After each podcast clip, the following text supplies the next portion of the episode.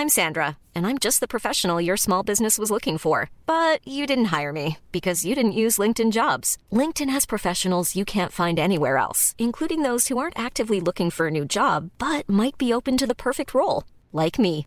In a given month, over 70% of LinkedIn users don't visit other leading job sites. So if you're not looking on LinkedIn, you'll miss out on great candidates like Sandra. Start hiring professionals like a professional. Post your free job on linkedin.com/people today. Burrow's furniture is built for the way you live. From ensuring easy assembly and disassembly to honoring highly requested new colors for their award-winning seating, they always have their customers in mind. Their modular seating is made out of durable materials to last and grow with you. And with Burrow, you always get fast, free shipping. Get up to 60% off during Burrow's Memorial Day sale at burrow.com slash ACAST. That's burrow.com slash ACAST. burrow.com slash ACAST. Since 2013, Bombas has donated over 100 million socks, underwear, and t-shirts to those facing homelessness. If we counted those on air, this ad would last over 1,157 days. But if we counted the time it takes to make a donation possible, it would take just a few clicks. Because every time you make a purchase, Bombas donates an item to someone who needs it. Go to bombas.com slash ACAST and use code ACAST for 20% off your first purchase. That's bombas.com slash ACAST, code ACAST.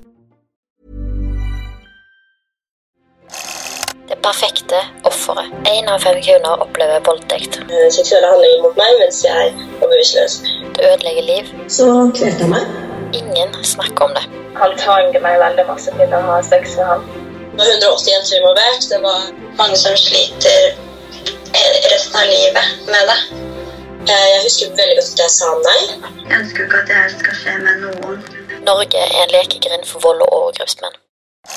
Det er altfor mange historier. Dagens gjest er jenteprisvinner i tillegg til at hun er nominert i Wixon Awards 2023 for hennes brennende engasjement. Det er nemlig June Holm som er en av mine store inspirasjoner og et stort forbilde for det hun driver med. Hun har virkelig bana vei for både meg og mange andre.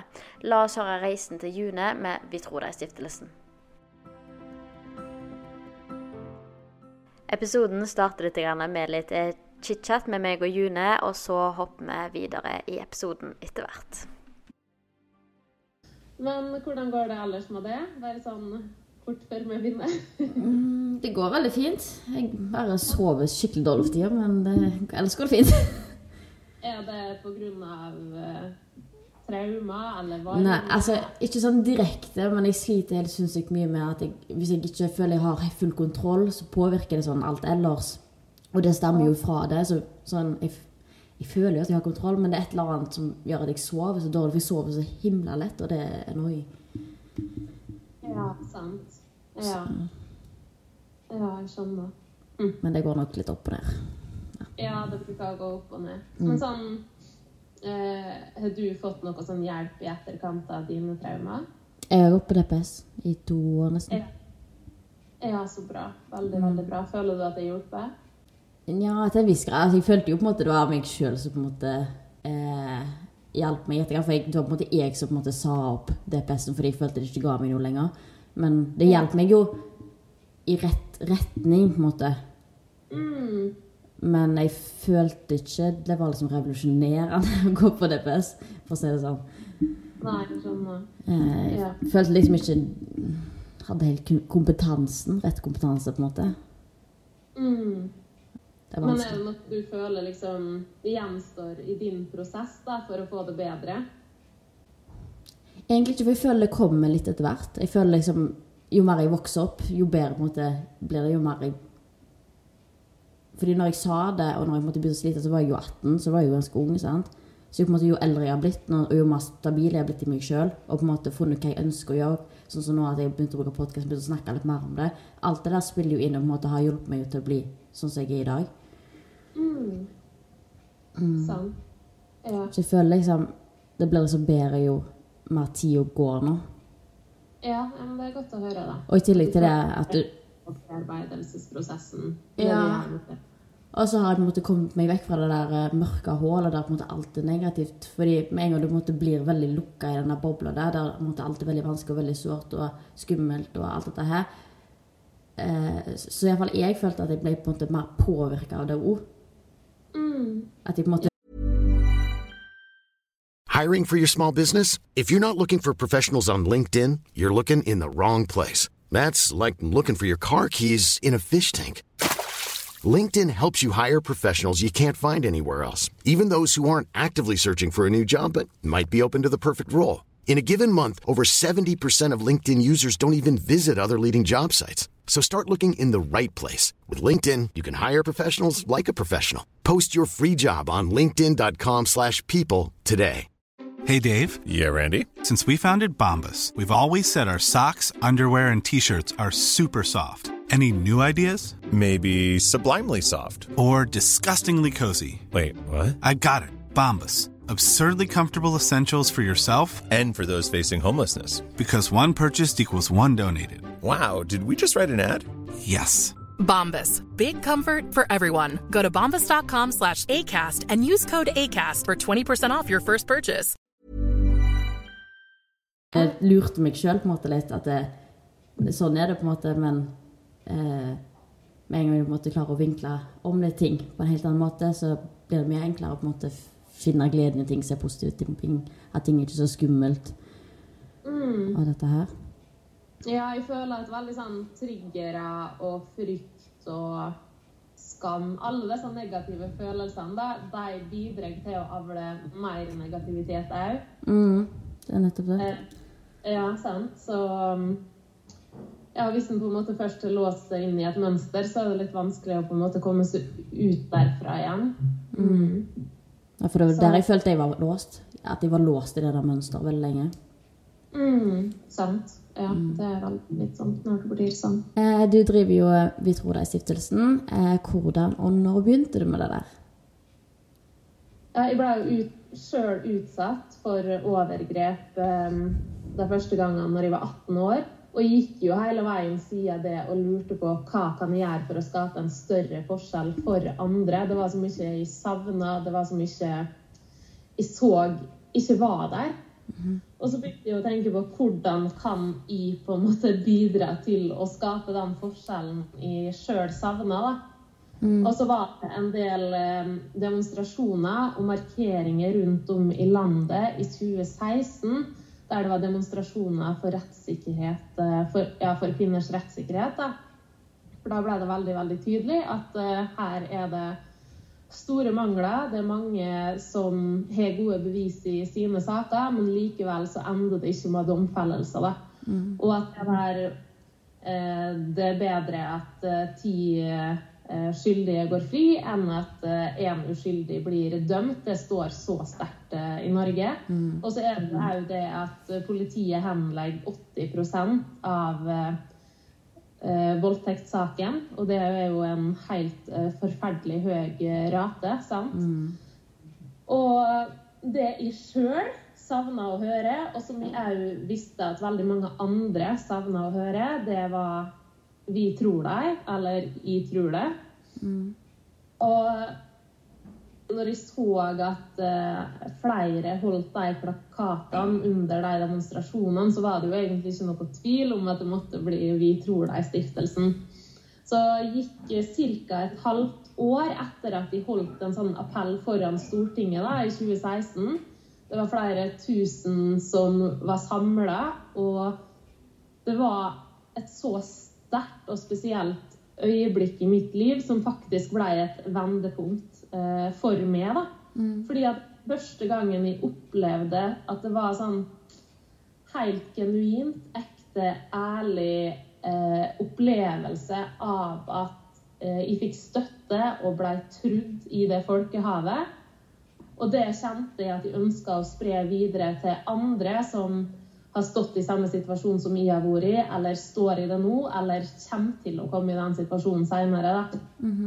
Eh, da følte jeg at det var rett å eh, starte en stiftelse.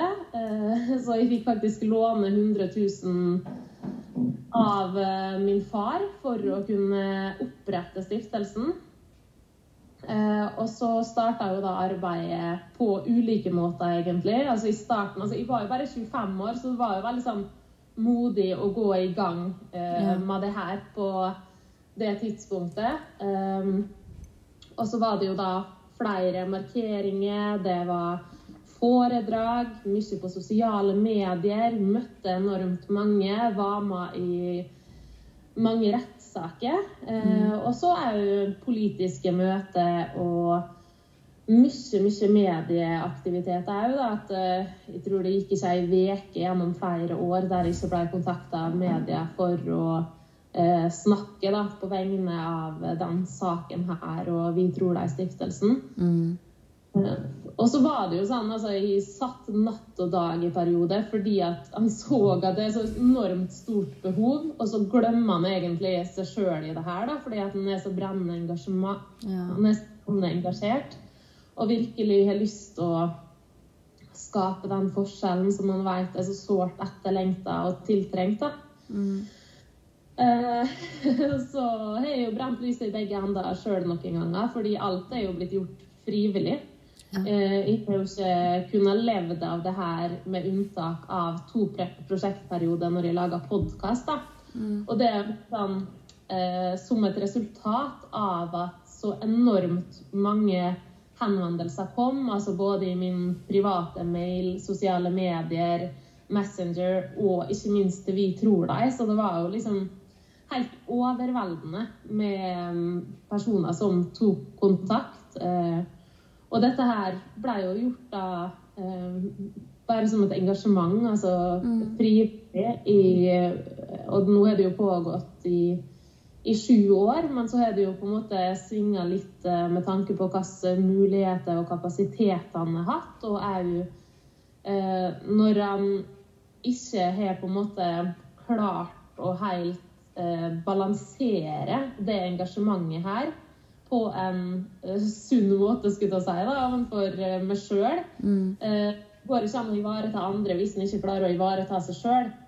Så men nå føler jeg jo virkelig da, etter eh, sju års arbeid at jeg har klart å finne den balansen, og at jeg klarer å sette meg sjøl først. Og jeg vet at det må til for at en skal klare å på en måte gjøre det her mye større å ta arbeidet videre. Og òg kunne eh, gjøre det mer bærekraftig da, på sikt. Eh, og da på ulike måter. Altså Jeg ser at det er så mye behov. Eh, det er så mye som trengs å gjøres. Og da må en eh, vite det at en ikke står alene i det. Så nå har jeg vært heldig og skapt et mye større nettverk rundt meg. Flere engasjerte som vil bidra på ulike måter. Det er bra. Ja, det er veldig, veldig, veldig viktig. Så jeg er utrolig stolt over at eh, jeg hadde det motet som krevdes da, for å opprette Vi tror deg-stiftelsen. For i etterkant av det så har det kun opplevdes positivt for meg. For jeg hadde jo gått uh, lange perioder gjennom rettssaker bl.a. og i forkant og etterkant av det, der eh, jeg opplevde at jeg ikke ble trodd. da. Men etter at Vik tror deg-stiftelsen ble til, så tror jeg veldig mange skjønte at dette her er ikke en Dette her er så mye større enn min sak. Altså Min historie er ikke unik på noe som helst eh, måte. Det er så alt, altfor mange som bærer på lignende historie som det jeg og du går rundt med. da. Og hvordan kan man, eh, hvis en har lyst til å på en måte være en stemme utad, eh, gjøre det på en god måte. Eksempel så er jeg bevisst på at det ikke skal gjøre han mer sårbar. Og at jeg har hørt mange fortelle f.eks. For at de har gått ut med det i media og angra i etterkant. Eller for min del òg, så var det jo sånn at jeg hadde ikke lyst at noen skulle være kjent med min historie. Men så mista jeg kontrollen over min historie på flere måter, fordi at det ble spredd bilder fra voldtekter.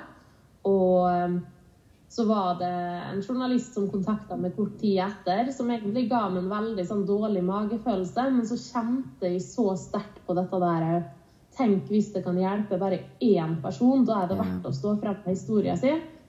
Og så følte jeg på den, det tidspunktet så var jeg veldig i den offermentaliteten fortsatt. Og i den situasjonen òg så var det en ubalanse.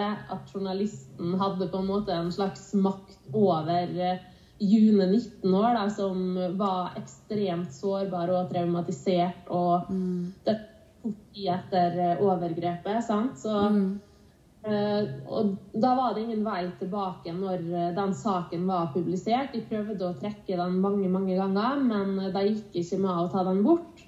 Og da måtte jeg på en måte lære meg å ta eierskap eh, over historien min i større forstand.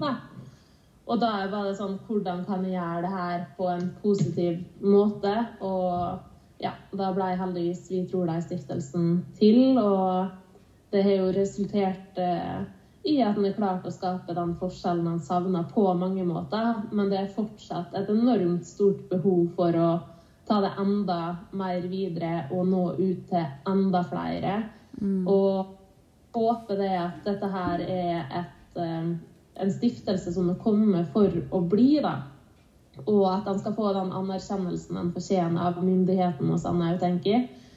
Og ja, så jeg har veldig mange sånn eh, Jobber veldig mye bak kulissene, som på en måte ikke er synlig utad enda. Eh, men som vil bli det på sikt, da, håper jeg. Mm. Det er veldig imponerende alt du har fått det på sju år. da.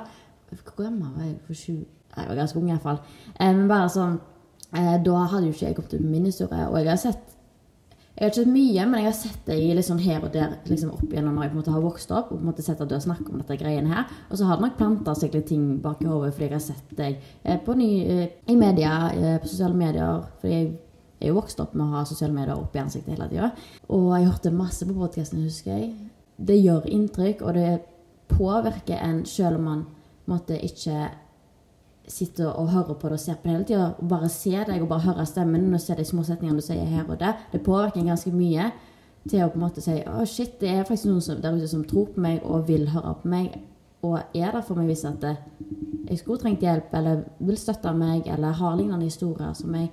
Så det gjør en helt enorm forskjell, og du har nok påvirka den utviklingen vi har hatt fra 2016 til nå, og gjort helt sinnssykt mye. Det er litt sånn rart å tenke på at eh, når han jobber med den tematikken her, da, og nå blir det skikkelig rørt, så hjelper han mange flere enn det han sjøl tror og veit. Det er jo f.eks. noen ganger når jeg møter folk, så, så sier de nettopp det, da, når de møter med ansikt til ansikt. Og dette er vårt tilfeldige møte. Det er ikke folk som på en måte har sendt meg en melding, men de klarer å gå bort til meg når de ser meg og sagt at «Øh, du er den som har hjulpet meg mest, f.eks. Og noen har jo sagt at jeg redda livet deres fordi at jeg har gitt dem håp da, eh, med min historie. For de ser at når jeg har klart å komme videre og har fått det bra igjen, så, så gir det håp for at jeg skal stå f.eks. gjennom den rettssaken, sjøl om det føles som et mareritt. Eh, og bare det å tørre å oppsøke hjelp, klare å fortelle det. altså Det er jo hvor menn som er i 70-åra, som har tatt kontakt med meg og sagt at egentlig hadde jeg tenkt å gå i grava med det her, men pga. det så har jeg bestemt meg for å oppsøke hjelp nå. Eh, og òg mange kvinner som er kommet til meg og fortalt sånn Kan man i en alder av nærmere 60 finne ut at man er utsatt for overgrep? Og spør meg om det. Og det er sånn Ja, gjennomsnittstida fra du opplevde er 17 år hvis du er utsatt i barndommen, og 3 år hvis du er utsatt i voksen alder. Og for veldig mange så går det enda, enda lengre tid enn det er. Og så er det noen som klarer å fortelle om det tidligere. Og med å være ei stemme, da, så bidrar en òg til at det blir lettere for andre å fortelle sin historie. For da videreformidler en et språk da, som gjør at de kan sette ord på det som ikke har begrepsapparat for kanskje med en gang når de står i sjokket rett etter traume. da. Men med å sette ord på det, så kan man så et frø som gjør at det blir lettere for andre å fortelle eh, om det og oppsøke hjelp når de er klar for det. Eventuelt eh, ta kontakt med politiet hvis de føler at det er riktig, eller bistandsadvokat eller fagpersoner.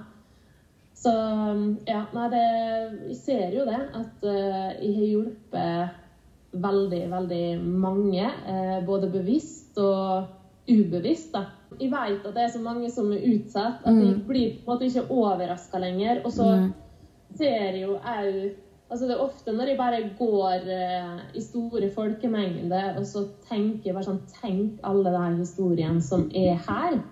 Fordi én av fem jenter og kvinner vi møter på vår vei, er utsatt for voldtekt. Det er helt var gåsehud av det. Ja, det er helt sinnssykt. Og da jeg ble utsatt eh, i 2009, så trodde jeg at jeg var typ den eneste i verden. Altså Mm. med å sette meg på spissen, da.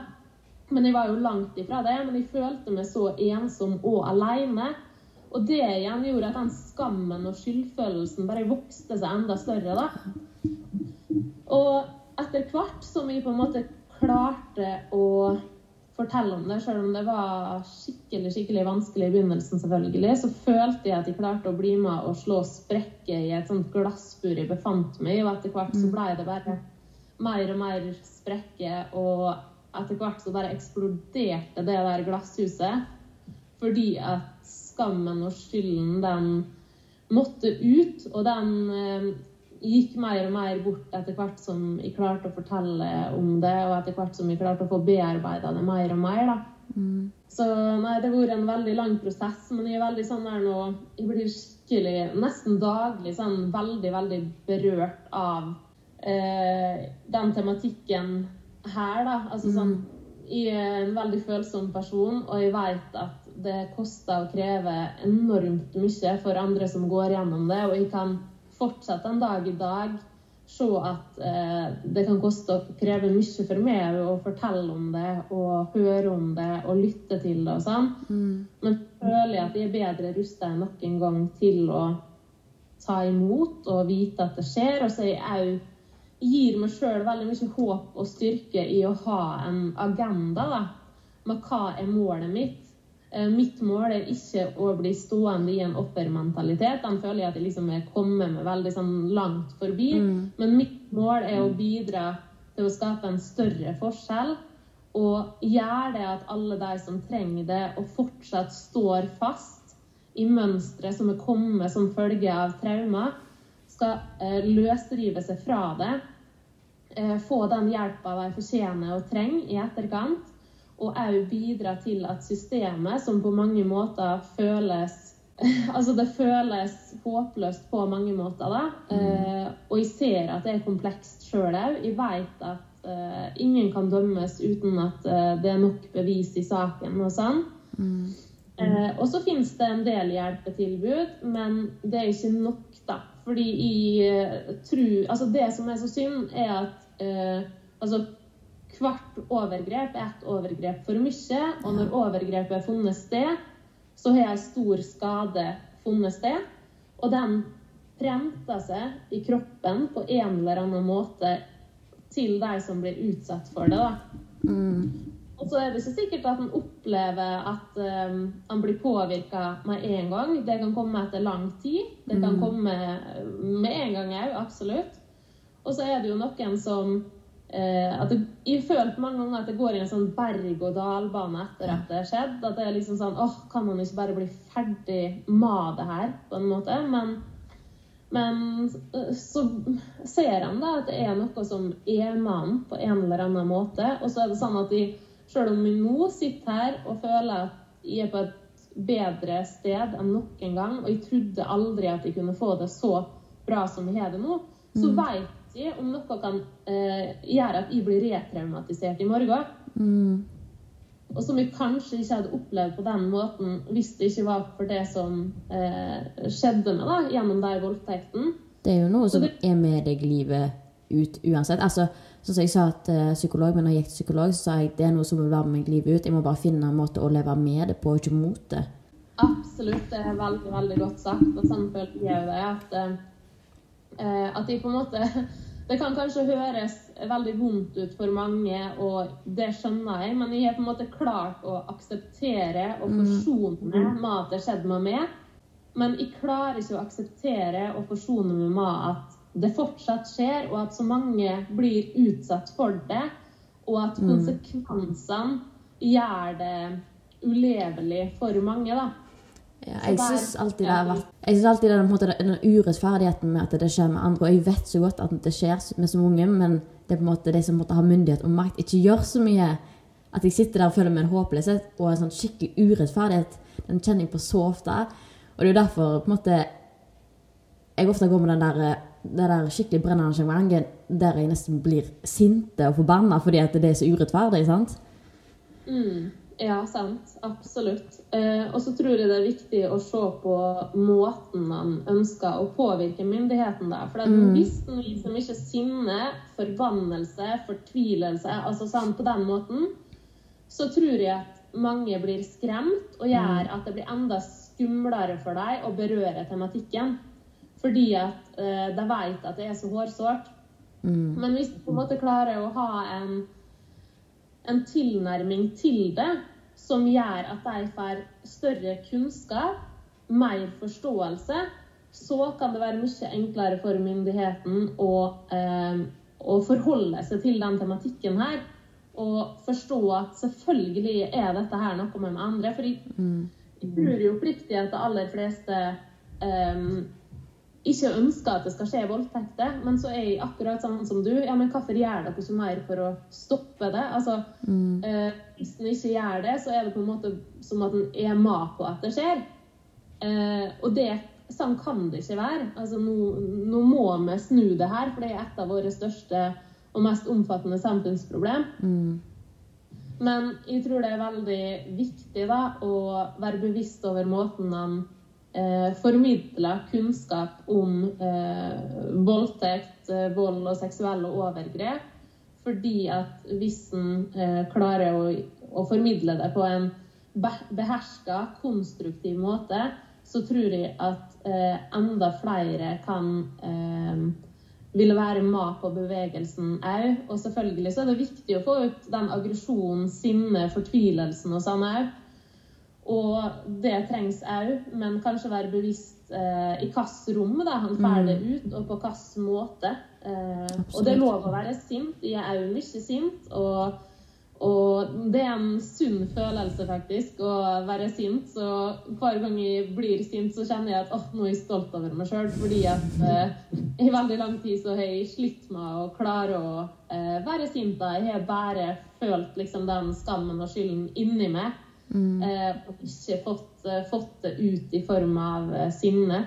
Så, så det er viktig, det. altså, Absolutt. Men kanskje en skal klare å balansere følelsene på en god måte gjennom bearbeidelse òg, og være bevisst på da måten han, han får budskapene ut. da. Absolutt. Eh, hvorfor tenker du det ennå er like aktuelt med jobben du gjør nå, som når du starta? Eh, det er jo dessverre sånn at så lenge det er mennesker på denne jorda, så kommer voldtekter til å skje. Eh, I 2009, da jeg ble utsatt for voldtekt, så følte jeg jo at eh, det var altfor lite åpenhet rundt det. Altså, jeg hadde jo ikke lært om det her på skolen, hadde ikke snakka noe særlig, eller egentlig ikke snakka med noen om det. Eh, hadde sett det i media noen ganger at det skjedde, men da har jeg dessverre bare scrolla forbi og tenkt at det her kommer aldri til å skje med i den lille, trygge byen jeg bor i. Altså veldig naiv og uviten da, om hva som faktisk foregår. Og det er jo nettopp sånne tanker som gjør òg at overgrep får fortsette å leve, da, fordi at eh, vi tror ikke at det skjer når vi ikke får høre om det, når vi ikke ser det. altså sånn. Eh, og så når han bidrar til å skape større åpenhet, så skjer jo det jeg føler har skjedd, at eh, enda flere har klart å formidle, snakke om det, fortelle om det, og har bidratt til at eh, den åpenheten da, skaper større kunnskap, mer eh, forståelse. Og nå er det jo sånn at eh, det i vår senest ble kjent at én av fem kvinner blir utsatt for voldtekt, og ti år før det eller Forrige rapport som kom, sa jo at én av ti kvinner var utsatt. Så det er altså en dobling da, siden forrige rapport. Men eh, jeg tror ikke det at det handler om at det har skjedd flere voldtekter. Jeg tror at det er blitt mer åpenhet, så enda flere klarer å fortelle om det. Det. Og det er fortsatt mørketall blant både jenter, kvinner, gutter og menn. Kanskje spesielt Mm. eh, av gutter og menn. da. Eh, og vi må fortsette å bidra fordi at det er mange som opplever at de ikke blir trudd, sett og hørt i etterkant. Eh, Mm. så, så det arbeidet her har vært viktig hele tida. Eh, og kommer til å fortsette å være viktig i veldig veldig lang tid fremover. Og jeg må jo si dessverre. Fordi at jeg Mm. skulle jo ønske at, eh, at det ikke trengtes. Men sånn det er i dag, så er det ingenting som tyder på at eh, at det er en overflødig engasjement eller et overflødig arbeid. Da, for det er det på ingen måte. Nei, det er et veldig, veldig viktig arbeid. Jeg tror bare det blir viktigere og viktigere for hver dag som går, egentlig. Mm, du har jo snakka litt om det nå, da, men jeg tenkte jo å spørre deg hva er den største endringen for deg sjøl til å komme til der du er i dag, da? Fra på en måte det skjedde med deg, og til der du har kommet i dag? Oi, Det er et veldig stort spørsmål. Ja, og så er det jo så utrolig mange endringer. Altså Når han skaper en endring, så er det ikke nødvendigvis sånn at han ser endringer der og da, men Mm. man kan se det på sikt òg. Mm. Og så blir det så mye tydeligere når han ser helheten, da. Men for meg så blir det jo å se hver eneste gang jeg har stått eller vært helt i det djupet, i den mørkeste dalen, og tenkt det at her klarer jeg aldri å komme meg opp ifra igjen. Mm. Og det skjedde jo senest for et års tid siden. Da begynte jeg å komme skikkelig eh, i en alvorlig depresjon. Altså det var flere psykologer som, som satte alvorlig depresjon og kompleks PTSD på meg som diagnose. Eh, og den største endringa og forskjellen jeg har gjort de gangene jeg har kommet så langt ned i det dypet, er jo at jeg har turt å oppsøke hjelp når jeg har kommet dit, og ta imot den hjelpa.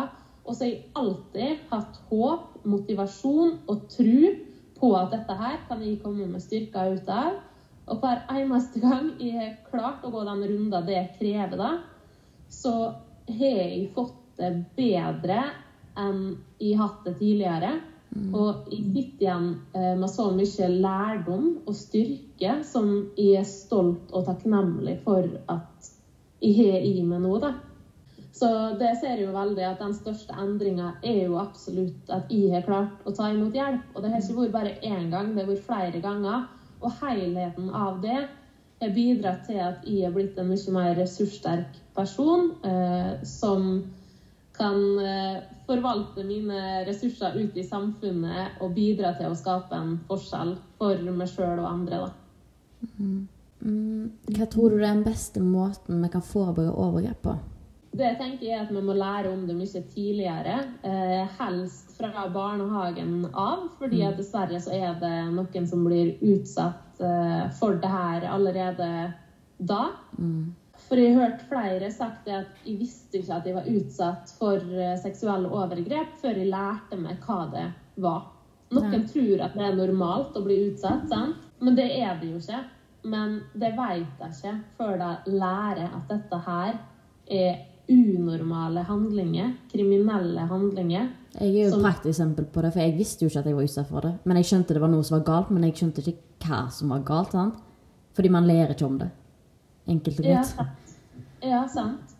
Og så er det jo òg sånn um, Altså Når en voksen person begår det mot et lite barn, så Mm. tror han at det den voksne gjør, er riktig. Så Derfor er det kjempeviktig at vi lærer om det her allerede fra barnehagen av. Og heldigvis har det blitt større bevissthet rundt det enn da vi gikk i barnehagen. For da var det aldri et tema i min barnehage, i hvert fall. Og så var det jo heller aldri et tema på uh, skolen. Altså Alle har en seksualitet. Mm. Men hvorfor snakker vi ikke godt nok om seksualiteten vår? Og hvorfor lærer vi oss ikke om samtykke og grensesetting? Det er enormt viktig for å forebygge og forhindre den tematikken her. Og jeg mener jo at det er noe av det mest samfunnsøkonomiske eh, og beste for vår folkehelse. det er å kunne få en mye bedre seksualundervisning som kan eh, bidra til at eh, vi får mye bedre holdninger og forståelse om grenser og samtykke. Det tror jeg absolutt jeg òg. Jeg tror det hadde forhindra helt, helt vanvittig mange eh, overgrep. Og jeg tror òg det hadde Det er mange som ikke hadde blitt overgrepsmenn. For jeg tror det er mange gutter der ute som ikke vet hva grenser er, eller vet når de på en måte trår over streken til at det blir en voldtekt. Jeg tror det er mange som ikke er klar over det. Ja, jeg tenker at det er den største andelen, eh, kanskje, av de voldtektene som blir begått. Det er unge gutter som har fått i seg alkohol, eh, og som sikkert har med seg en sårbarhet sjøl og har en mindreverdighetskompleks. Og så utnytta de jenter og får en slags sånn makt- og kontrollfølelse eh, av å ikke ha innhenta et tydelig samtykke da, Mm. eh, når de begår den handlinga, dessverre. Så jeg tror at det er veldig, veldig mange som eh, kunne ha unngått det da, hvis de hadde lært seg skikkelig eh, hva en voldtekt eller et seksuelt overgrep faktisk er. Mm. Og for eksempel så er det jo òg mange som har spurt meg gjennom åra hvordan kan menn bli utsatt for det her. Og ja, men det er jo ikke voldtekt hvis en bruker fingre eller en gjenstand i underlivet, eller gjør eh, eh, noe de på en måte bagatelliserer, da. Eller altså Bare det å være bevisst over om personen er tydelig mak på det eller ikke, det Mm. har så mye å si. Fordi der og da så er det så mange som ikke De ønsker ikke å bli med på det, men så er de i sjokk og fryser til. Og derfor klarer de kanskje ikke å si noe, eller eh, klarer ikke å gjøre noe for å på en måte forhindre det gjennom makt. da.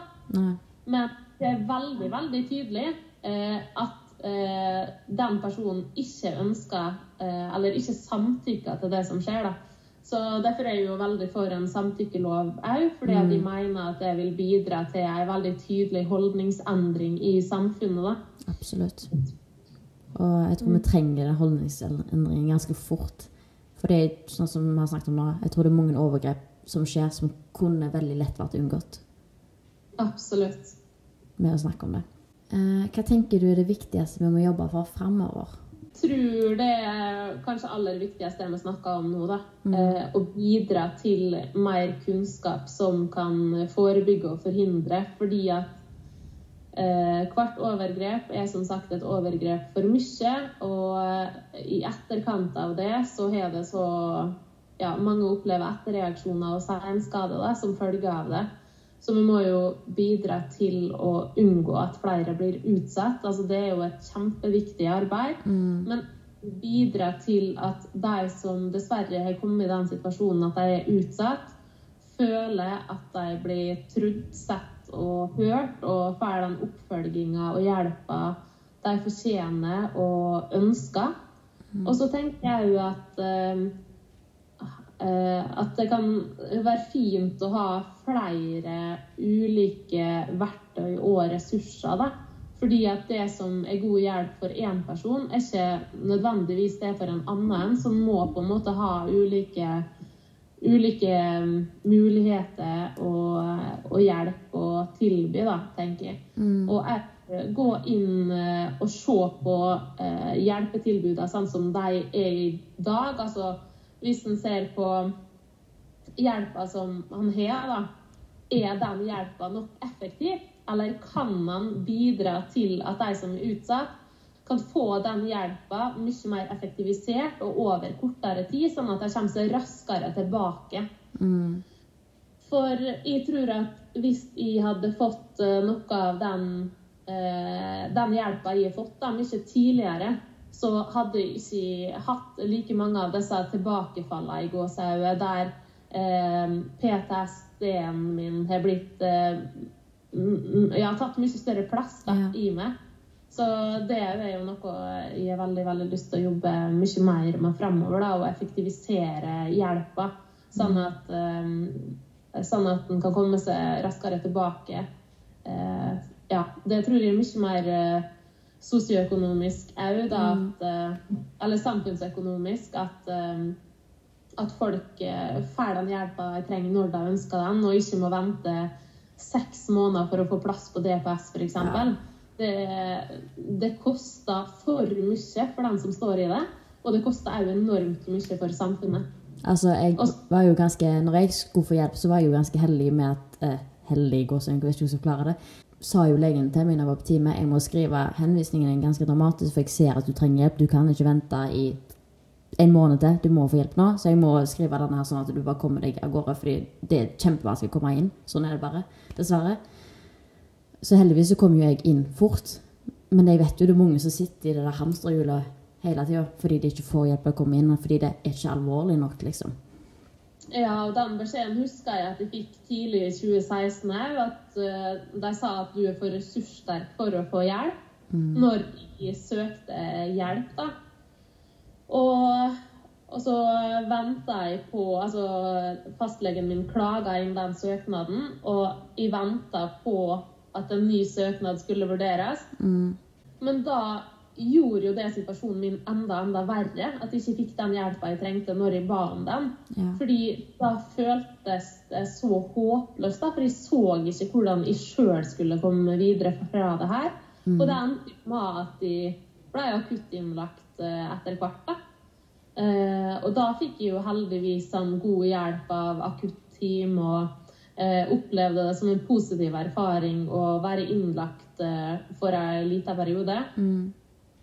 Og så fikk jeg heldigvis eh, god hjelp i etterkant av den innleggelsen her òg. Men det er så synd at det liksom skal gå så langt før han skal få den hjelpa han ser sjøl at han trenger, og som legen ser at han trenger. Mm. Og sitter noen og vurderer søknaden og tenker at nei, denne personen her er for ressurssterk til å Og, og det er bare så, så synd.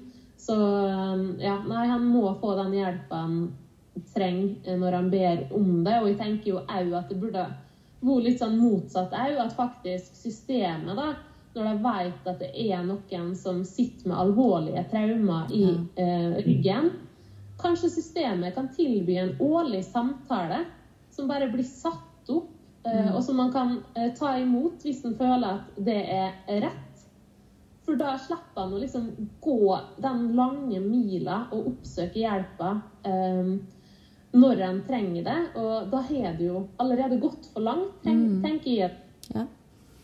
Så det er jo noe jeg håper på sikt at, eh, at det kan bli liksom bedre muligheter. At ikke den som er utsatt, skal føle at den er så belasta. Eh, og så blir det jo òg en sånn ekstrabelastning å eh, prøve å få den hjelpa, da. Mm. Men det vil ikke oppleves som en ekstrabelastning kanskje hvis den blir tilbudt det automatisk. Mm. Nei, vi har, vi har en lang vei å gå, iallfall der. Fordi det er jo en kamp om å få hjelp, dessverre. Det er jo det det er. Mm. Fordi det er jo ikke bare voldtekter man trenger hjelp til. Det er jo tusen andre ting man trenger hjelp til i de samme måte, helsetjenestene. Mm. Eh, og så ønsker jeg da å si til alle de som er utsatt, som føler at det er mm, et mareritt, det er håpløst fortvilende Bare vil si at jeg har vært der sjøl, og jeg er heldig heldigvis klart å funnet en vei ut av det. Så prøv å se etter de små sprekkene med lys i den mørke, mørke tunnelen. Eh, og etter hvert så vil, eh, vil han finne mer håp og styrke og, og hjelp, altså. For det er virkelig mulig å få det bra igjen, sjøl om det føles alltid mørkt der og da. Så eh, er vi begge et levende bevis på at det er mulig å, å komme seg videre, da. Absolutt. Så vil jeg bare si tusen takk June, for at du tok deg tiden og du kom her og fortelle. Og arbeidet med Vi tror deg er kjempe, kjempebra. Vi ser jo det. Vinner Jenteprisen, står der ute, og du står virkelig på en måte med flaggstanga i front, føler jeg. At du på en måte virkelig tar den kampen og snakker ut det. Og jeg tror virkelig du har både redda mange liv, du har hjulpet mange andre til å få et bedre liv. Eh, Du har gitt kanskje noen mening med livet, du har gitt andre noen gleden i livet. Jeg tror du har hjulpet helt vanvittig mange mennesker. Eh, og det ser du nok sjøl, sånn som du sa òg. Jeg vil bare si det, for du fortjener å få den anerkjennelsen på den viktige, viktige jobben du gjør hver eneste dag. Tusen takk, og det samme til det. Og det jeg tenker jo mer sånn, det jeg ønsker meg mer av i framtida, er jo det at det er så mye positivt engasjement, og det er så mye styrke Mm. eh, om, men hvordan vi kan samle det her på en bedre måte. Altså, det finnes mange nå som jobber med den tematikken her, og som, men vi må samle oss på en Mm. bedre måte da, for å eh, mobilisere enda sterkere, tenker jeg. Så Absolutt. det, det er jo at eh, vi kan bidra til eh, framover, da, og jeg føler meg allerede på god vei. Ja. Og jeg ser fram til å skape en større forskjell i framtida. Men da tenker jeg at eh, vi må være flere som viser at vi står sammen. Absolutt, jeg er helt enig i. Tusen, tusen hjertelig takk for ditt engasjement, June, og at du bruker stemmen din for alle oss utsatte. Helt utrolig hva du får til med Vitroda-stiftelsen. Du er enormt, enormt viktig for denne kampen her. Hvis dere vil se mer fra Vitroda-stiftelsen eller hva June driver med, så kommer jeg til å linke både Instagram til June og Instagrammen til Vitroda-stiftelsen og nettsida til Vitroda-stiftelsen. Husk å ta vare på hverandre.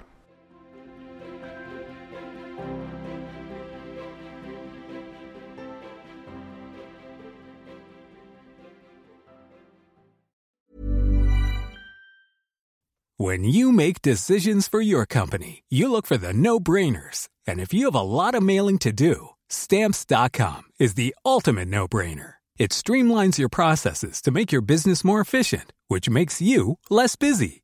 Mail checks, invoices, legal documents, and everything you need to keep your business running with stamps.com.